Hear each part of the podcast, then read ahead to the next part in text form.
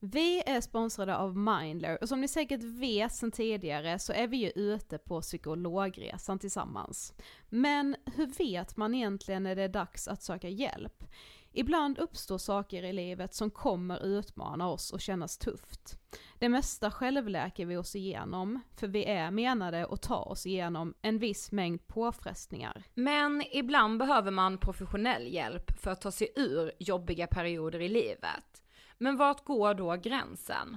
Vad är en del av livets skavighet och när är det läge att söka hjälp?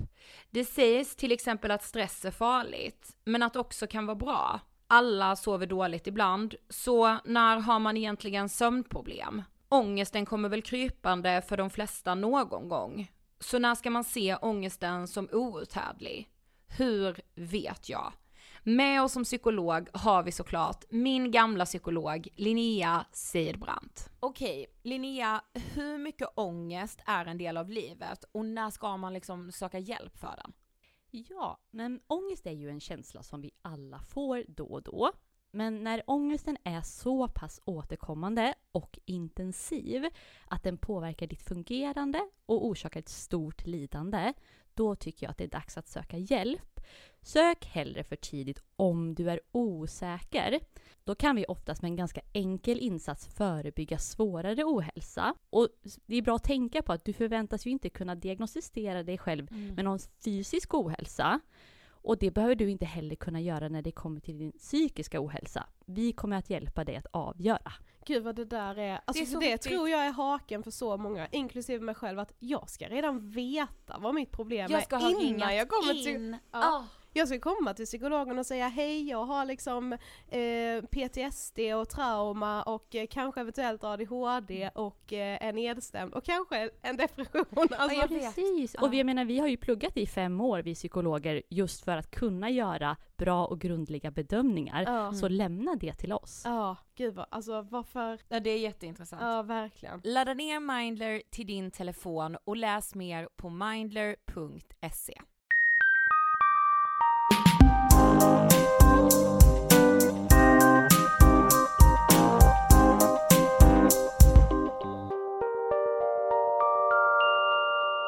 Hej och hjärtligt välkomna till Ångestpodden avsnitt 53! Hello! Jag har varit in så att jag är lite mer lågmäld i början än förra året. It's a new year. new year, new me. Nya vindar blåser helt enkelt över den här podden. Lugnare vindar. Eh, vad kul att du är med mig idag Sofie. Ja, jag känner med det. Ja, det är kul. Nej men vad kul att vi är här liksom ännu en vecka. Mm. Det är det ju verkligen. Men alltså vet du vad vi måste prata om bara? Nej. Innan vi gör någonting annat. P3 Guldgalan. Ja. Den gick ju av stapeln i lördags. Ja. Nej men alltså det kanske bara är jag. Nej, för det först, först och främst innan jag säger någonting annat om den galan. Mm. Tack gode gud för att Sara Larsson var med på den. Mm. Tack för det hon sa och tack för hennes framträdande och för att hon Lush Life vann årets låt. Mm. Ja jag sa ju det, vinner inte Sara årets låt, då stänger jag fan av tvn. Mm.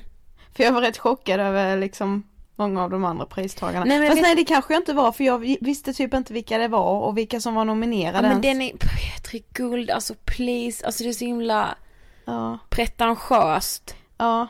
Jag tycker att Petri Guld känns som kejsarens nya kläder. Alla tycker att det fucking suger men ingen säger Nej, det. Nej, jag twittrade ju till och med det. Jag bara, jag sitter bara och väntar på att någon i publiken ska våga resa sig upp och skrika, detta suger. Nej men det känns som alla bara, alla där tävlar om att vara så alltså sticka ut så mycket som alltså att vara mm. så originella som det bara går. Mm, precis. Och sen så alla andra i publiken tävlar om vem som har förstått det mest mm. typ. Nej men jag såg så här som på Twitter bara, årets live act, alltså visst Silvana är mamma, alltså hon är skitgrym, hon är mm. ascool.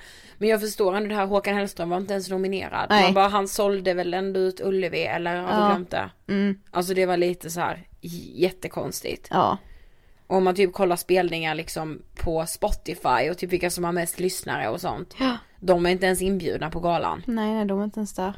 Nej. Nej det är lite för pretto för min smak. Jag blir mest sur när jag kollar på sådana program. Ja men snälla, hur jäkla sur blir jag när de tar dit några komiker som, alltså såhär Sveriges Radio ska ändå stå för det här. Mm. Eftersom det är P3 som står bakom den. Mm. Och det är så här, man kan skämta om mycket, det tycker jag verkligen. Men det finns faktiskt vissa saker man inte skämtar om. Mm. Till exempel när den här ena, det var två män som gjorde någon slags eh, akt där de skulle skämta och så här. Ehm, och då säger den ena, han låtsas typ att han kräks eller så här. Han låtsas att han får upp från någon liksom så att han ska Nej börja han spy. hade ju svalt en tärning. ja, det han var skulle det. ju få upp den. Ja just det, han skulle försöka få upp den där tärningen. Mm. Då säger den andra, alltså det här tror, tycker de alltså är skämt. Plocka fram bulimiken i dig. Fast det var ju inte heller någon som skrattade. Nej men det var det inte. Men det är så, alltså va? mm. Jag tycker det bara är så, varför säger man så? Ja men det är lite osmakligt. Visst det var ett skämt men jag kan ändå tycka att det är så här, måste man skämta om det? Nej. Nej jag tycker inte man skämtar om varken psykisk ohälsa eller typ cancer. Nej men sådana Eh, saker skämtar man inte om. Nej. Det är så här, det kan slå så fel. Ja, det så här, kan ja, man, man måste kunna ta ett skämt. Ja fast alla kan inte göra det. Så då kan man väl hellre låta bli att skämta om en sån sak. Ja jag tycker det också faktiskt. Mm. Ja, ja, nog om det. Vi har ju ett litet meddelande Mm, det har vi. från en organisation som vi älskar. Mm. Ni vet att vi har nämnt eh, UDDA tidigare som står för Ung Depression och dess anhöriga. Men nu tänker vi göra det igen eftersom vi gillar den organisationen så mycket som vi gör. Exakt, vet ni, det är så här att Udda behöver fler volontärer för de blir fler och det är fler som vänder sig till dem. Eh, och de behöver helt enkelt fler som finns och hjälper till. Och att bli volontär, bestäm, blir man volontär hos Udda så bestämmer du ungefär själv hur, alltså hur engagerad du vill vara. Du behöver liksom inte åka till så här träffar och träffa alla från Udda eller sådär. Utan du kan bli volleys över cyber. Mm, precis. Alltså Udda är ju uppbyggt så att antingen är du en volontär och då kallas du kuddis. Eh, eller så är du någon som söker till Udda för att du vill ha hjälp liksom och då är du en uddis och så blir man ihopkopplad då med en kuddis och en uddis så kan de liksom hjälpa varandra. Alltså är du kudd, om du säger att du har kanske haft en ätstörning men du har liksom kommit ur eh, din ätstörning och du känner att du verkligen vill hjälpa någon som kanske är där nu. Då kan du anmäla dig till att bli en kuddis hos Udda och så får du hjälpa någon. Det kan vara så att du chattar med den personen ibland, du har mailkontakt med den, alltså du bestämmer lite själv hur nära ni ska komma men du kan ju hjälpa så mycket bara genom att finnas där och lyssna när Uddisen då som har hört av sig till Udda behöver prata av sig. Ja precis, man blir liksom matchad, Det är lite som en dejtingsida skulle man kunna säga. Ja, vi har faktiskt, vi känner personer både som hört av sig dit och blivit uddisar och personer som har blivit kuddisar. Ja. Vilket är så kul. Exakt. Det ni gör är i alla fall att, gå in på udda.org eh, och sen så finns all info ni behöver där. Yes, så kan ni anmäla er till, och bli volontärer där. Ja och det är så här med att det ger ju en så otroligt mycket att Mm. kunna vara med och hjälpa till. Mm. Det är ju liksom en hel, Ja, att känna att man liksom har gjort skillnad och hjälpt till, alltså det, det stärker ju en själv så himla mycket ja men det också. gör ju verkligen det. Ja. Så eh, bli en kuddis hörni. Yeah. Yay. Ja men hallå vi ska ju inte eh, glänsa i det här avsnittet. Nej. Det är faktiskt väldigt många som har önskat dagens ämne. Vet du att vi säger det varje vecka? Ja fast det här, ja fast det här är verkligen önskas. Jag det var kul också att, alltså, folk önskar allt, men de gör ju det. mm, fast det var lite sjukt för samma dag som vi spelade in det här avsnittet så fick vi även mail. Ja, om just det här, typ så här en timme innan vi skulle så här, trycka play liksom. Mm, Idag är ämnet borderline mm, och vi gästas av Melika. mm. Eh, Melika är väl, det var så här, vi- när vi sa innan bara vad är hon mest känd för?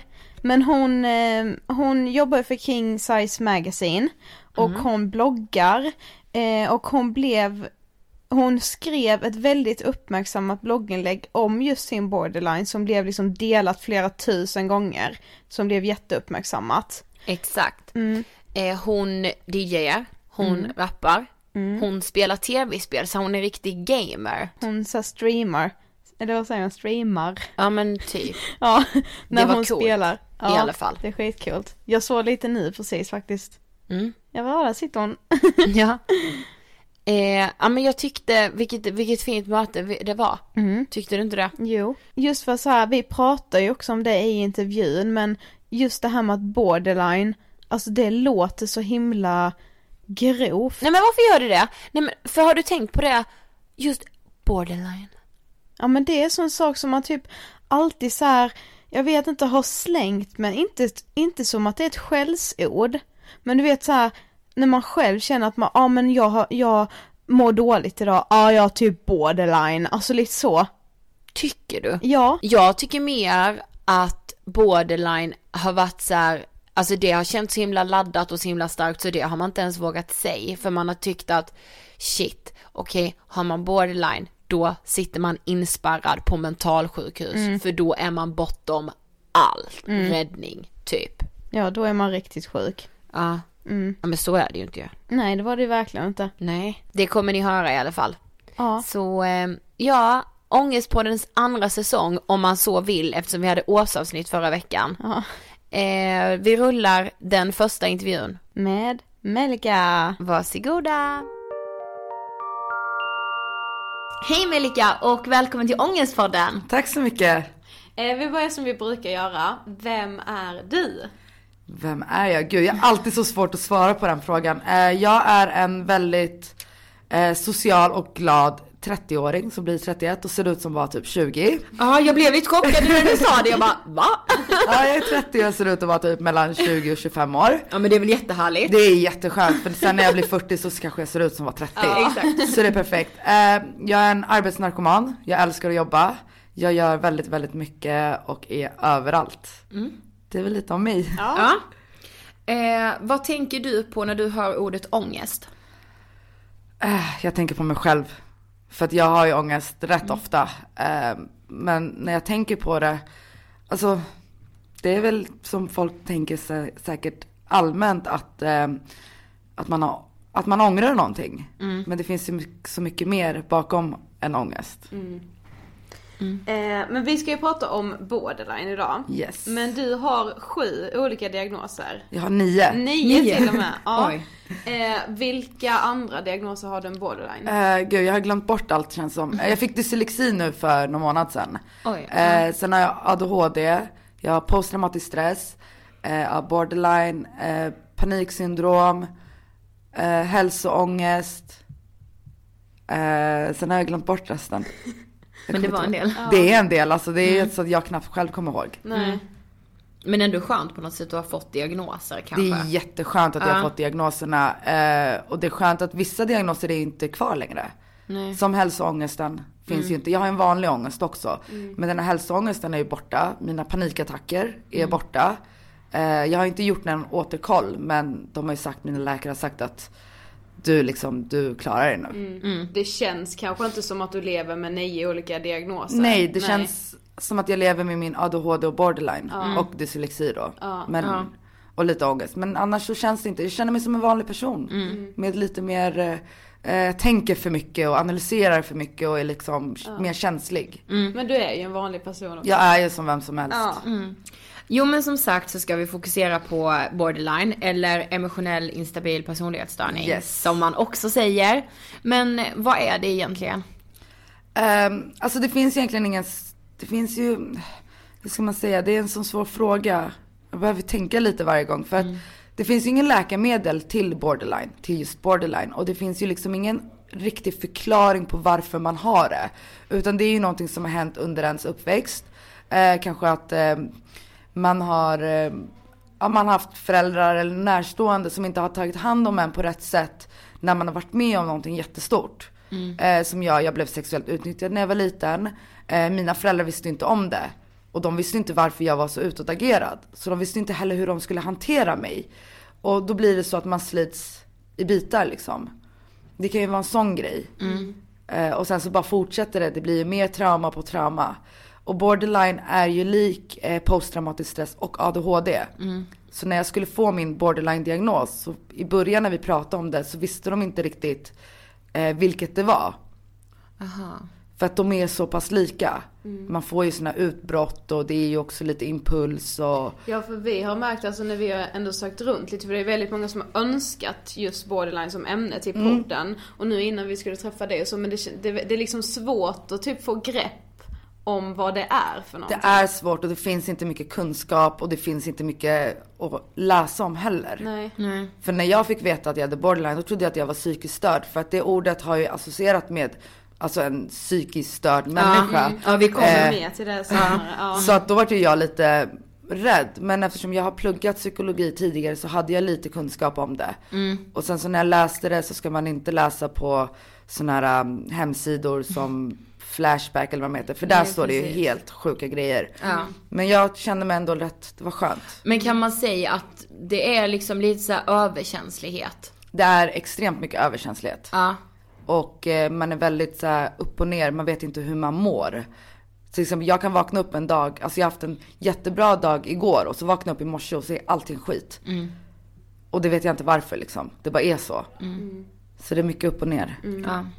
Men om man väl har fått diagnosen borderline, har man den då resten av livet eller kan man liksom bli av med Alltså det? man blir ju av med den, eller inte av med den, men man lär sig att hantera den. Jag gick ju på en behandling, DBT, dialektisk beteendeterapi i eh, ett och ett halvt år. Eh, och då fick jag lära mig allt på nytt. De, det är som att de bryter ner en och så bygger de upp en på nytt.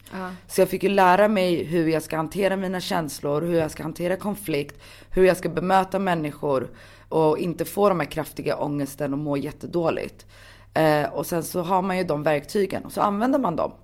Så de, det försvinner ju inte men man lär sig att hantera den. Mm. Men jag kan ändå känna igen det lite så här att det känns som att man liksom blir helt nedbruten och sen byggs man upp igen. För när jag gick i KBT för min så här paniksyndrom liksom, ehm, eller panikångesten. Då, då kunde jag med känna så, jag bara, jag får ju börja om från noll nu och liksom lära Exakt. mig livet igen. Hur lever man liksom? Precis. Så jag kan verkligen känna igen just det uttrycket. Men det, jag också, gick ju på KBT ett halvår också för Ja. mina eh, ångest och panikattacker och så. Då var det samma sak, där fick jag ju hela tiden gå emot rädslan. Och det får man ju göra i alla behandlingar, att man går emot dem och får lära sig på nytt. Och det tycker jag är jättebra. Ja, det är så man lär sig. Det är så man, jag jobbar på behandlingshem också, det är så man gör på behandlingshem också. Man lär sig på nytt. Egentligen är det ju så med allt i livet, alltså man måste ju våga utmana Ja. sig. Liksom. Ja. Men hur är det för dig, alltså nu idag liksom med din borderline? Alltså är den där ständigt, alltså är den ständigt, gör den där, gör, vad säger man, gör, den sig påmind? Ja, den gör sig påmind när det kommer till kärlek. För där, det är ju mitt störst, min största rädsla och mitt största problem egentligen när det kommer till det. Men jag blir inte lika påmind som förut. Eh, för det är en stor skillnad på hur jag är nu och hur jag var för ett år sedan. Det är en jättestor skillnad. Eh, men det är självklart att jag blir påmind eh, av olika situationer som jag hamnar i. För att jag glömmer bort hur jag ska hantera det. Och då måste jag ha, jag har ju andra människor som har varit med i behandlingen. Som jag kan smsa och fråga så här, ja men jag berättar vad som har hänt. Och sen så påminner de, okej medveten närvaro, andas, eh, tänk för och nackdelar, liksom ta fem minuter paus från den här händelsen och tänk på något annat, gör något annat. Och sen går du tillbaka till det. Är det lika viktigt då? Så det är lite liksom olika. Men du säger att det märks i kärlek främst. Hur, hur kan du utveckla? Jag har varit singel, nu firar jag nio år som singel. Wow, grattis! Eh, Tack så mycket. Jag ser det som positivt. Jag är, Ja. jag är, jag är gift med, mitt, med mina jobb. Nej men, eh, jag har ett problem om att jag vet inte hur man dejtar. Jag har ingen aning om hur man är i ett förhållande. För det är så länge sedan jag har haft ett förhållande. Och det var ju bara kaos. Eh, och, och problemet är, det här är lite så här borderline grej. Eh, när jag träffar en kille och han visar lite uppmärksamhet att han tycker om mig. Då blir jag som plåster. Alltså jag vet ju inte liksom, jag vill ju ha konstant uppmärksamhet, bekräftelse. Eh, jag blir helt så här typ paranoid om jag inte får ett svar på en dag. Ja. Då blir jag så här, men fan då, då börjar jag sms-terra liksom. För att jag behöver den här bekräftelsen. Ja. Så där, därför så vågar inte jag dejta någon för jag blir bara rädd för mig själv. Men det är en del av din borderline Det är en del av min borderline. Det är den här att eh, separationsångesten, att man inte vill bli lämnad. För man, man har ju blivit det så pass mycket av andra vuxna människor. Eh, och då påminns det. Och då har man en tomhet som man behöver hela tiden fylla på. Ja. Fast jag är inte likadan nu, nu är jag lite bättre än jag var förr. Ifall någon lyssnar här Ifall någon ni. lyssnar. Eh, Men hur gick det till när du fick veta att du har borderline? Äh, det här är helt sjukt. jag har alltid sagt att jag har haft ADHD. Sen liten. Och så tyckte min chef Alltså att... det har du själv sagt. Jag har själv sagt det för Ja. att mina vänner bara, har du en ADHD-unge liksom? Ja. Ehm, så min chef bara, men gå och kolla om du har ADHD. Så då gick jag till vårdcentralen och bara, jag vill göra en ADHD-utredning. Och så skickade de mig till psykiatrin i Nacka. Ehm, och där så gjorde de istället en helhet för att se om jag hade annat. Och då sa de att, men vi tror att du har någon borderline liknande. Så, så jag visste inte att jag skulle få sju eller åtta diagnoser då. Eh, jag trodde att jag skulle bara få min ADHD. Och det var det jag var för att kolla, inte för något annat. Nej. Men hur reagerade du? Alltså blev det som ett nedslag för dig? Alltså förstår du vad jag menar? Blev det så jobbigt? Alltså när jag fick det då för två år sedan. Eh, ja det är nu två år. Eh, den här månaden nästa månad. Eh, I början så var jag lite så här. Okej, jag har de här diagnoserna. För jag fick ju alla på en gång. Men jag fick veta lite i början att jag hade diagnoser. Eh, de två första månaderna, min mamma kunde inte acceptera det först för hon bara nej, nej du har ju inte det här. Och då var det ju ännu jobbigare för mig. Eh, men hon har ju accepterat det nu och tycker det, jag är skitgrym och stark och liksom att jag vågar gå ut med det. Eh, och sen så vaknade jag upp en morgon och bara skit i det här, nu, nu fan ska jag skriva ett inlägg om det här för jag klarar inte av det här, jag klarar inte av att hålla i det. Då skrev jag mitt blogginlägg som blev ju hur stort som helst. Eh, och då var det som en lättnad för mig själv för då kunde jag acceptera det. Att jag har diagnosen borderline. För det är den som jag tycker är jobbigast. Det är Eh, den som var värst att få liksom. det är den värsta. För ADHD, det är, alla har ju typ en liten ADHD. Alltså det är så normalt och panikångest och posttraumatisk stress och det, det är liksom normalt. Ser jag det som. Men att ha borderline är inte lika lätt att bli accepterad av andra. Så jag tror att jag var tvungen att gå ut med det för att själv kunna acceptera det. Bästa valet jag gjort. Ja. Men jag Vad tror det. Det är härligt. som vi Ja. alltid säger, man måste våga prata om allt liksom. För Exakt. det visar sig Ja. att det finns så många fler där ute som känner exakt likadant. Mm. Eller som har samma upplevelse liksom. Men det är en sak som man får lära sig då på den här behandlingen är att acceptera. Mycket handlar om att acceptera saker som händer. För att det spelar ingen roll om omgivningen gör det. Så länge du själv accepterar det så kommer andra göra det också. Mm, så är det ju verkligen. Ja, verkligen. Men har du något minne eller sådär från tiden innan du hade fått diagnosen där du A lot can happen in the next three years. Like a chatbot may be your new best friend. But what won't change? Needing health insurance. United Healthcare Tri Term Medical Plans are available for these changing times. Underwritten by Golden Rule Insurance Company, they offer budget friendly, flexible coverage for people who are in between jobs or missed open enrollment. The plans last nearly three years in some states, with access to a nationwide network of doctors and hospitals. So, for whatever tomorrow brings, United Healthcare Tri Term Medical Plans may be for you. Learn more at uh1.com. Say hello to a new era of mental health care. Cerebral is here to help you achieve your mental wellness goals with professional therapy and medication management support. 100% online. You'll experience the all new Cerebral Way, an innovative approach to mental wellness designed around you. You'll get a personalized treatment plan from a therapist, prescriber, or both in a safe and judgment free space. Your cerebral therapist or prescriber will outline a customized plan with clear milestones along the way so you can get to feeling your best. With Cerebral, you're not alone in your mental health journey. We're here to empower you to live a fulfilling life. So take that first step towards a brighter future and sign up today at cerebral.com slash podcast and use code ACAST to get 15% off your first month. Offer only valid on monthly plans. Other exclusions may apply. Offer ends July 31st, 2024. See site for details. kunde känna så här bara, okej vad är det som är fel? Bara, hur kan jag bli så här känslig runt det här? Eller?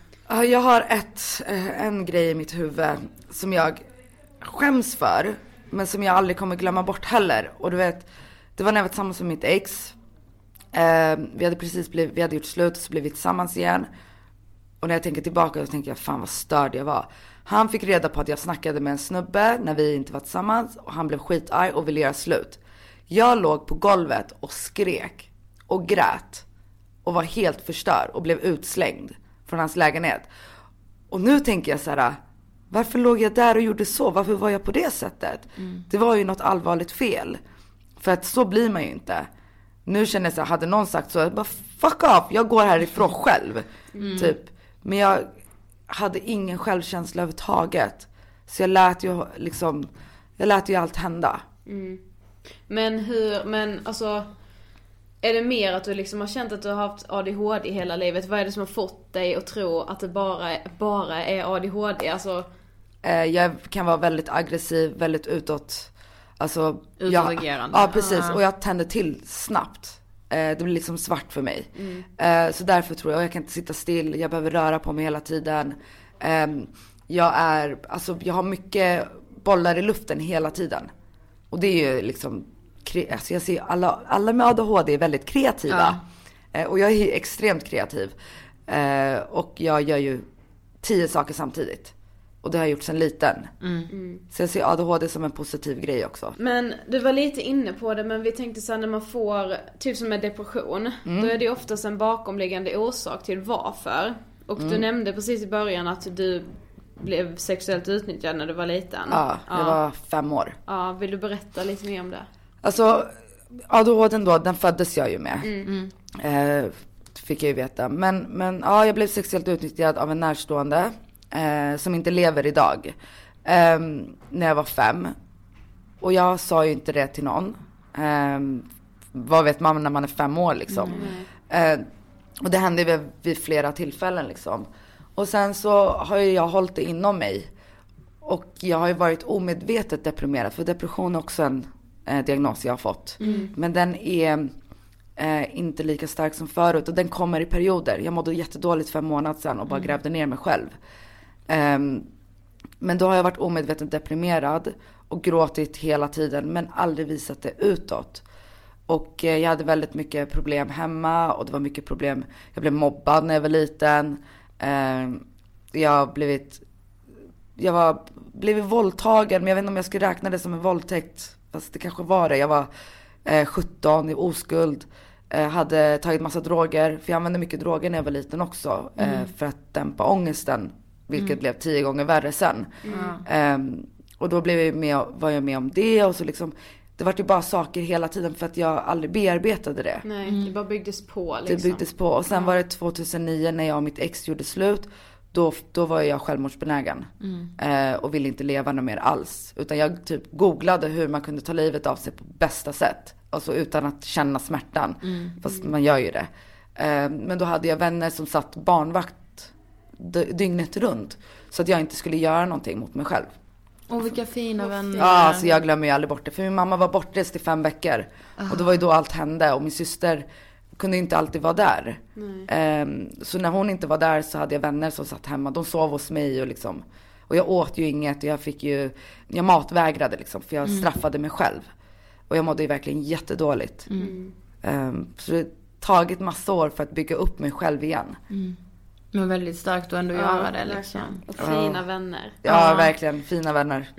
Men eh, hur är vården för någon som får borderline? Du berättade lite om DBT heter det va? Mm, dialektisk beteendeterapi. Precis. Eh, är det den hjälpen du har fått liksom för Det är den borderline? hjälpen jag fått. Jag fick ju gå på KBT ett halvår och sen så började jag på DBT. Um, det är många som har åsikt kring vården. Jag kan bara säga att jag älskar vården i Nacka, Nacka psykiatrin. För att ehm, jag kanske har haft tur, men jag har hamnat hos så bra människor. Och än idag, trots att jag för två månader sedan slutade på min DBT, så har jag fortfarande kontakt med dem. Så skulle jag må dåligt så kan jag bara dra iväg ett sms och säga att jag mår dåligt. Jag behöver ses nu. Då fixar de det. Åh, det är så det ska vara. Ja. Det är alltså helt underbart. Men vad är det för skillnad på KBT och DBT? Alltså för KBT är så att man ska liksom... Konjunktiv Ja, beteendeterapi. då ska man liksom Precis. utmana sina egna eh, rädslor typ. Det är ju lite, alltså det gör man ju med båda. KBT, du hade ju gått på KBT. Ja, och det är ju det här att gå emot om man har, om man är rädd för höga höjder, som jag är. Då ska man gå emot det och då ska man Mm. Precis. utsätta sig för det. Men då fokuserar man sig bara på det. Att hela tiden utsätta sig för just den saken. Men när det kommer till dialektisk beteendeterapi, då är den eh, uppdelad i olika block. Då får man lära sig att validera andra. Att om du säger eh, någonting, så typ att jag mår dåligt. Och istället för att typ ignorera dig så ska jag liksom vara där och prata och liksom lyssna. Eh, det finns ett kapitel om kärlek, relationer, hur man ska hantera relationer. Så det är liksom uppdelat i olika block hela tiden. Eh, Och sen så krishantering, när man hamnar i en kris. Hur man, hur man ska eh, klara av de här kriserna då, när man bryts ner. Och så har man mindfulness, att lära sig att vara medveten närvaro. För det är egentligen allt det handlar om.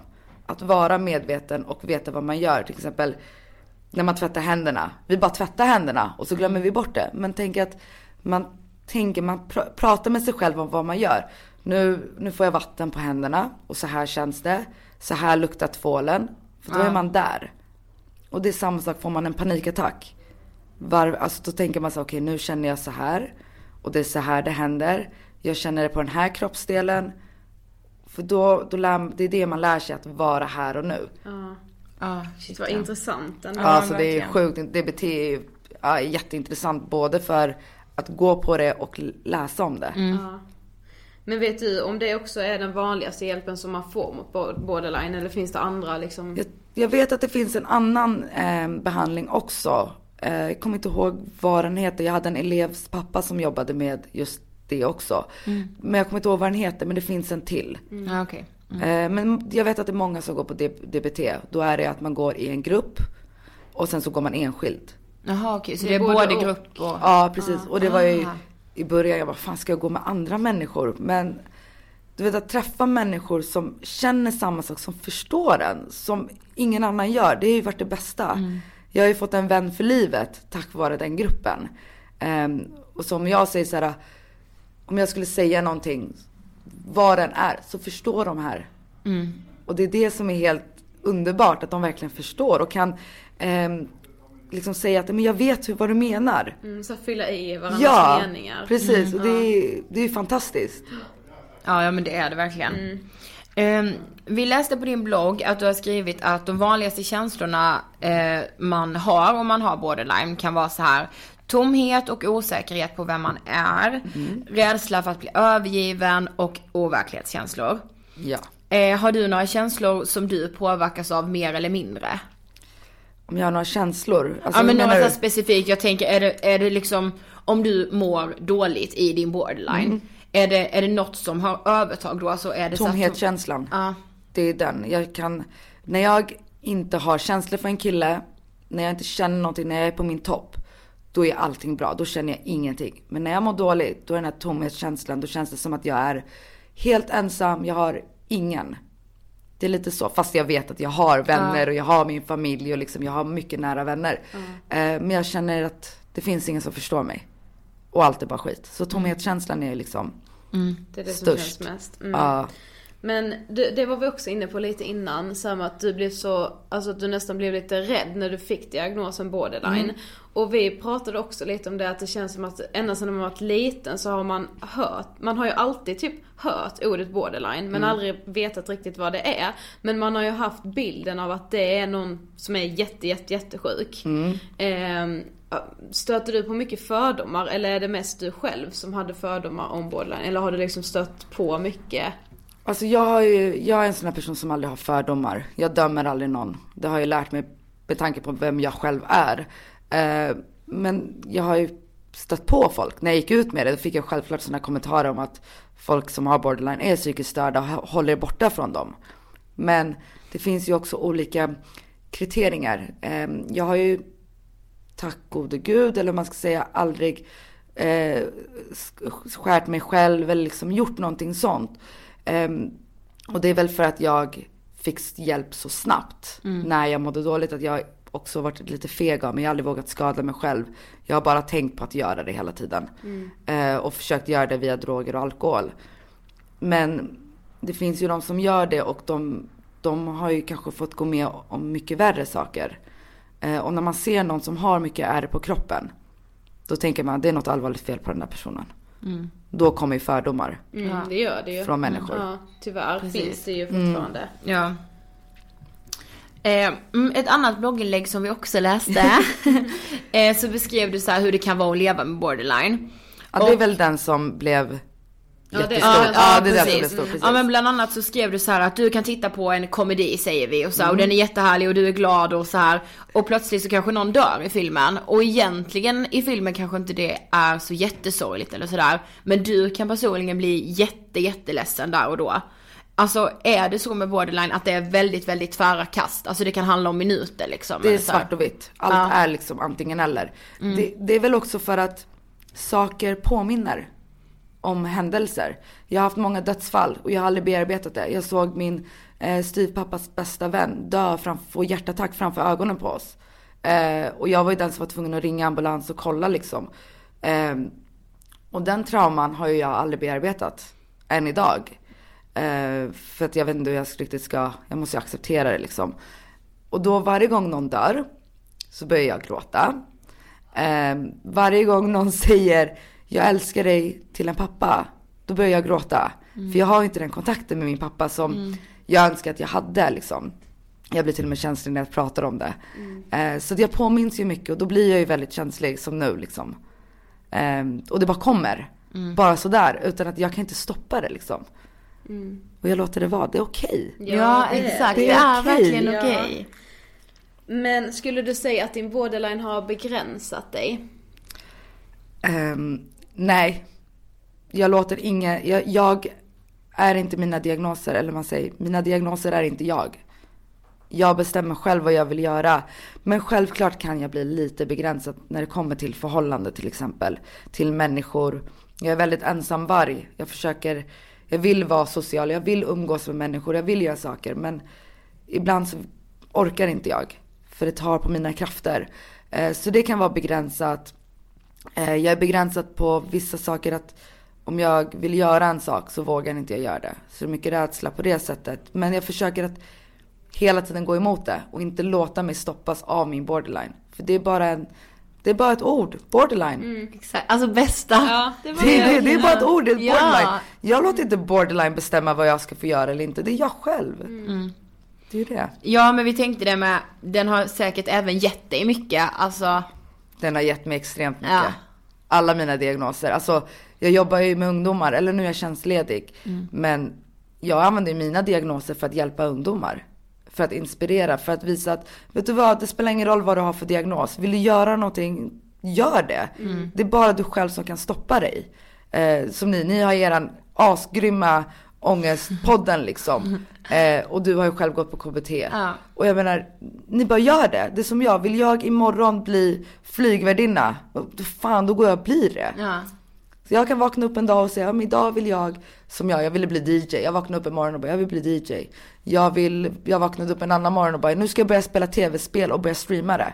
Och det har jag gjort. Och jag har kommit sjukt långt så på kort tid.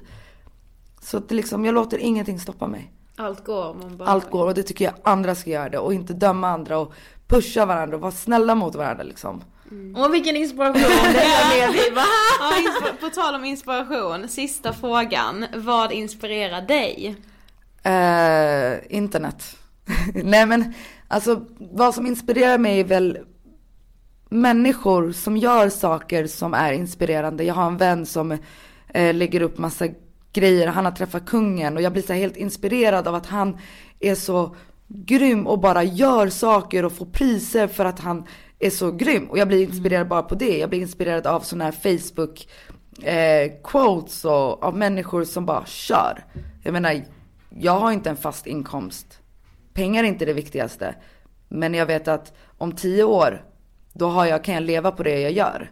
Och det är viktigast att bara bli inspirerad av människor. Att se saker som händer ute och våga. Liksom, ni inspirerar mig på bara ett år. Ni har blivit liksom, jag menar, ni, har ju fått, eh, blivit nominerade. Alltså ett år, det är ändå, det är inte så länge. Nej. Och ni har kommit sjukt långt. Jag menar ni inspirerar mig, min mamma inspirerar mig, min syster som flyttade till Indien bara sådär och blev modell och skådespelare. Eh, min, mina bästa vänner, alla inspirerar mig på ett eller annat sätt. Fint, så har ingen Men- sagt innan. Nej. Men den största inspirationen jag har det är dokumentären The Secret. Det Okej. har inte jag sett. Jag har inte heller sett den. Den borde ni se. Ja. Eh, det handlar om love attraction. Ja, jo men jag har hört talas om den. Mm. Så den har varit min lilla bibel när jag har mått dåligt. Att behöver jag en inspiration då kollar jag på den. När jag mår dåligt då kollar jag på den. För då blir jag så här, just det, tänker jag positivt då får jag positiva saker tillbaka. Har jag en idé, skriv ner den så kommer den tillbaka sen. Alltså hela tiden liksom luften ger mig inspiration. Allt. Mm. Ja. ja. det gäller att vara positiv. Ja, liksom. verkligen. Tack så jättemycket för att du ville gästa Ångest på den. Tack för att jag fick vara med. Ja. Skitkul. Sofie, vet du vad jag tänkte om henne? Nej. Ja men hon, Melika är ju en sån där cool tjej. Alltså du vet. Alltså jag vet inte vad jag ska säga. Inte gangster. inte såhär gang, gangsterbröd. Det är inte det jag menar. Nej. Men du vet verkligen den här coola tjejen. Mm. Alltså den man vill vara. Mm. Ja verkligen så här, skinn på näsan och liksom, det kändes ju som att så här, hon kändes lite som Grynet. Ja, sån jävla power. Ja. Plus att hon, det var ju, alltså det är ju så peppigt. Mm. Liksom, Verkligen. hela hennes snack. Men jag tänkte på det i rummet, vet så här, om man är i samma rum som henne så vill man vara henne. Ja lite så. Man vill vara så cool i alla fall. Ja. Ska med börja DJ och rappa. Ja men typ så, du vet det skulle jag ju när jag gick därifrån. Ja. Och Men så- spela ja. CS typ. Ja, exakt. Så sjukt coolt. Mm. Ja. Tack så hemskt mycket Melika för att du gästade oss i Ångestpodden. Ja och hoppas att ni som har lyssnat har uppskattat det och tyckt om det. Yes, och, och nu vet vi ju. Nu vet vi mycket mer om borderline. Mm. Det här behövde vi tror jag. Mm, verkligen. Eh, Nästa vecka har vi med oss en gäst igen. Ja. Men we... We? Men vi håller det hemligt till nästa vecka. Yes. Fortsätt följa oss i sociala medier, där heter vi ju Angestpodden. Yes, och fortsätt boka vår föreläsning. Då blir vi så jäkla glada för då får vi ju träffa er och det finns ingenting som är bättre. Ja, vill jag slänga till med. Ja, nu börjar vi liksom vårt nya coola jag. Ja. Ja, Vi eh, hörs som vanligt nästa torsdag. det gör vi. Ta Ha hand om er. Hej då!